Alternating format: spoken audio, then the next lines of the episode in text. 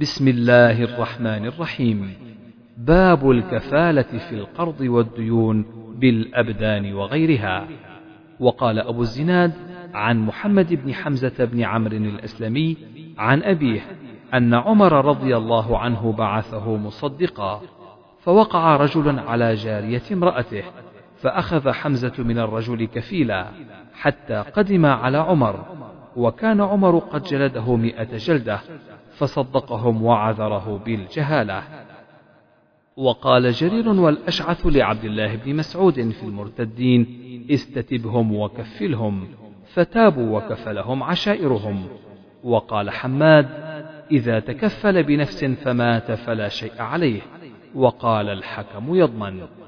قال أبو عبد الله وقال الليث حدثني جعفر بن ربيعة عن عبد الرحمن بن هرمز عن أبي هريرة رضي الله عنه عن رسول الله صلى الله عليه وسلم أنه ذكر رجلا من بني إسرائيل سأل بعض بني إسرائيل أن يسلفه ألف دينار فقال ائتني بالشهداء أشهدهم فقال كفى بالله شهيدا قال فأتني بالكفيل قال كفى بالله كفيلا قال صدقت فدفعها إليه إلى أجل مسمى فخرج في البحر فقضى حاجته. ثم التمس مركبا يركبها يقدم عليه للأجل الذي أجله فلم يجد مركبا فأخذ خشبة فنقرها فأدخل فيها ألف دينار وصحيفة منه إلى صاحبه ثم زجج موضعها ثم أتى بها إلى البحر فقال اللهم إنك تعلم أني كنت تسلفت فلانا ألف دينار. فسألني كفيلا فقلت كفى بالله كفيلا. فرضي بك. وسألني شهيدا فقلت كفى بالله شهيدا فرضي بك. وأني جهدت أن أجد مركبا أبعث إليه الذي له فلم أقدر. وإني أستودعكها فرمى بها في البحر حتى ولجت فيه. ثم انصرف وهو في ذلك يلتمس مركبا يخرج إلى بلده. فخرج الرجل الذي كان أسلفه ينظر. لعل مركبا قد جاء بماله. فإذا بالخشبة التي فيها المال فأخذها لأهله حطبا فلما نشرها وجد المال والصحيفة ثم قدم الذي كان أسلفه فأتى بالألف دينار. فقال والله ما زلت جاهدا في طلب مركب لآتيك بمالك فما وجدت مركبا قبل الذي أتيت فيه. قال هل كنت بعثت إلي بشيء؟ قال أخبرك أني لم أجد مركبا قبل الذي جئت فيه. قال فإن الله قد أدى عنك الذي بعثت في الخشبة فانصرف بالألف الدينار راشدا. باب قول الله تعالى والذين عاقدت أيمانكم فآتوهم نصيبهم. حدثنا الصلت بن محمد حدثنا أبو أسامة عن إدريس عن طلحة بن مصرف عن سعيد بن جبير عن ابن عباس رضي الله عنهما ولكل جعلنا موالي. قال ورثة والذين عاقدت أيمانكم؟ قال كان المهاجرون لما قدموا المدينة يرث المهاجر الأنصاري دون ذوي رحمه للأخوة التي آخى النبي صلى الله عليه وسلم بينهم. فلما نزلت ولكل جعلنا موالي نسخت. ثم قال والذين عاقدت أيمانكم؟ إلا النصر والرفادة والنصيحة وقد ذهب الميراث ويوصى له. حدثنا قتيبة حدثنا إسماعيل بن جعفر عن حميد عن أنس رضي الله عنه قال قدم علينا عبد الرحمن بن عوف فآخى رسول الله صلى الله عليه وسلم بينه وبين سعد بن الربيع.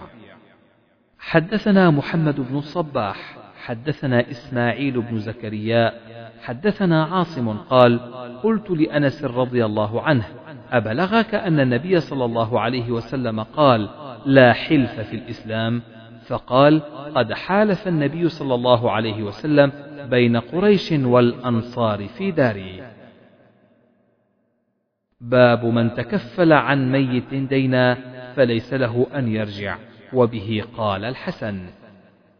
حدثنا أبو عاصم عن يزيد بن أبي عبيد عن سلمة بن الأكوع رضي الله عنه أن النبي صلى الله عليه وسلم أتي بجنازة ليصلي عليها فقال هل عليه من دين؟ قالوا لا فصلى عليه. ثم أتي بجنازة أخرى فقال هل عليه من دين؟ قالوا نعم. قال صلوا على صاحبكم. قال أبو قتادة علي دينه يا رسول الله. فصلى عليه. حدثنا علي بن عبد الله حدثنا سفيان حدثنا عمرو سمع محمد بن علي عن جابر بن عبد الله رضي الله عنهم قال قال النبي صلى الله عليه وسلم لو قد جاء مال البحرين قد أعطيتك هكذا وهكذا وهكذا. فلم يجئ مال البحرين حتى قبض النبي صلى الله عليه وسلم. فلما جاء مال البحرين أمر أبو بكر فنادى من كان له عند النبي صلى الله عليه وسلم عدة أو دين فليأتنا. فأتيته فقلت إن النبي صلى الله عليه وسلم قال لي كذا وكذا فحثى لي حثية فعددتها فإذا هي خمسمائة وقال خذ مثليها. باب جوار أبي بكر في عهد النبي صلى الله عليه وسلم وعقده. حدثنا يحيى بن بكير حدثنا الليث عن عقيل قال ابن شهاب فأخبرني عروة بن الزبير أن عائشة رضي الله عنها زوج النبي صلى الله عليه وسلم قالت لم أعقل أبوي إلا وهما يدينان الدين. وقال أبو صالح حدثني عبد الله عن يونس عن الزهري. قال أخبرني عروة بن الزبير أن عائشة رضي الله عنها قالت لم أعقل أبوي قط إلا وهما يدينان الدين ولم يمر علينا يوم إلا يأتينا فيه رسول الله صلى الله عليه وسلم طرفي النهار بكرة وعشية. فلما ابتلي المسلمون خرج أبو بكر مهاجرا قبل الحبشة حتى إذا بلغ برك الغماد لقيه ابن الدغنة وهو سيد القارة. فقال أين تريد يا أبا بكر؟ فقال أبو بكر أخرجني قومي فأنا أريد أن أسيح في الأرض فأعبد ربي. قال ابن الدغنة إن مثلك لا يخرج ولا يخرج فإنك تكسب المعدوم وتصل الرحم وتحمل الكل وتقري الضيف وتعين على نوائب الحق. وأنا لك جار فارجع فاعبد ربك ببلادك. فارتحل ابن الدغنة فرجع مع أبي بكر فطاف في أشراف كفار قريش فقال لهم إن أبا بكر لا يخرج مثله ولا يخرج. أتخرجون رجلا يكسب المعدوم ويصل الرحم ويحمل الكل ويقري الضيف ويعين على نوائب الحق؟ فأنفذت قريش جوار ابن الدغنة وآمنوا أبا بكر.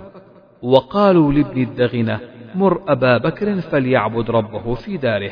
فليصلي وليقرأ ما شاء ولا يؤذينا بذلك ولا يستعلن به. فإنا قد خشينا أن يفتن أبناءنا ونساءنا. قال ذلك ابن الدغينة لأبي بكر. فطفق أبو بكر يعبد ربه في داره ولا يستعلن بالصلاة ولا القراءة في غير داره. ثم بدا لأبي بكر فابتنى مسجدا بفناء داره وبرز. فكان يصلي فيه ويقرأ القرآن. فيتقصف عليه نساء المشركين وأبناؤهم يعجبون وينظرون إليه. وكان أبو بكر رجلا بكاء لا يملك دمعه حين يقرأ القرآن. فأفزع ذلك أشراف قريش من المشركين فأرسلوا إلى ابن الدغنة فقدم عليهم. فقالوا له إنا كنا أجرنا أبا بكر على أن يعبد ربه في داره. وإنه جاوز ذلك فابتنى مسجدا بفناء داره وأعلن الصلاة والقراءة وقد خشينا أن يفتن أبناءنا ونساءنا. فأته فإن أحب أن يقتصر على أن يعبد ربه في داره فعل وإن أبى إلا أن يعلن ذلك فسله أن يرد إليك ذمتك. فإنا كرهنا أن نخفرك ولسنا مقرين لأبي بكر الاستعلان. قالت عائشة فأتى ابن الدغنة أبا بكر فقال قد علمت الذي عقدت لك عليه فإما أن تقتصر على ذلك وإما أن ترد إلي ذمتي فإني لا أحب أن تسمع العرب أني أخفرت في رجل عقدت له. فقال أبو بكر إني أرد إليك جوارك وأرضى بجوار الله ورسول الله صلى الله عليه وسلم يومئذ بمكة. فقال رسول الله صلى الله عليه وسلم قد أريت دار هجرتكم رأيت سبخة ذات نخل بين لابتين وهما الحرتان فهاجر من هاجر قبل المدينة حين ذكر ذلك رسول الله صلى الله عليه وسلم ورجع إلى المدينة بعض من كان هاجر إلى أرض الحبشة وتجهز أبو بكر مهاجرا فقال له رسول الله صلى الله عليه وسلم على رسلك فإني أرجو أن يؤذن لي. قال أبو بكر هل ترجو ذلك بأبي أنت؟ قال نعم. فحبس أبو بكر نفسه على رسول الله صلى الله عليه وسلم ليصحبه. وعلى فراحلتين كانتا عنده ورق السمر أربعة أشهر. باب الدين. حدثنا يحيى بن بكير حدثنا الليث عن عقيل عن ابن شهاب عن أبي سلمة عن أبي هريرة رضي الله عنه أن رسول الله صلى الله عليه وسلم كان يؤتى بالرجل المتوفى عليه الدين فيسأل هل ترك لدينه فضلا؟ فإن حدث أنه ترك لدينه وفاء صلى وإلا قال للمسلمين صلوا على صاحبكم.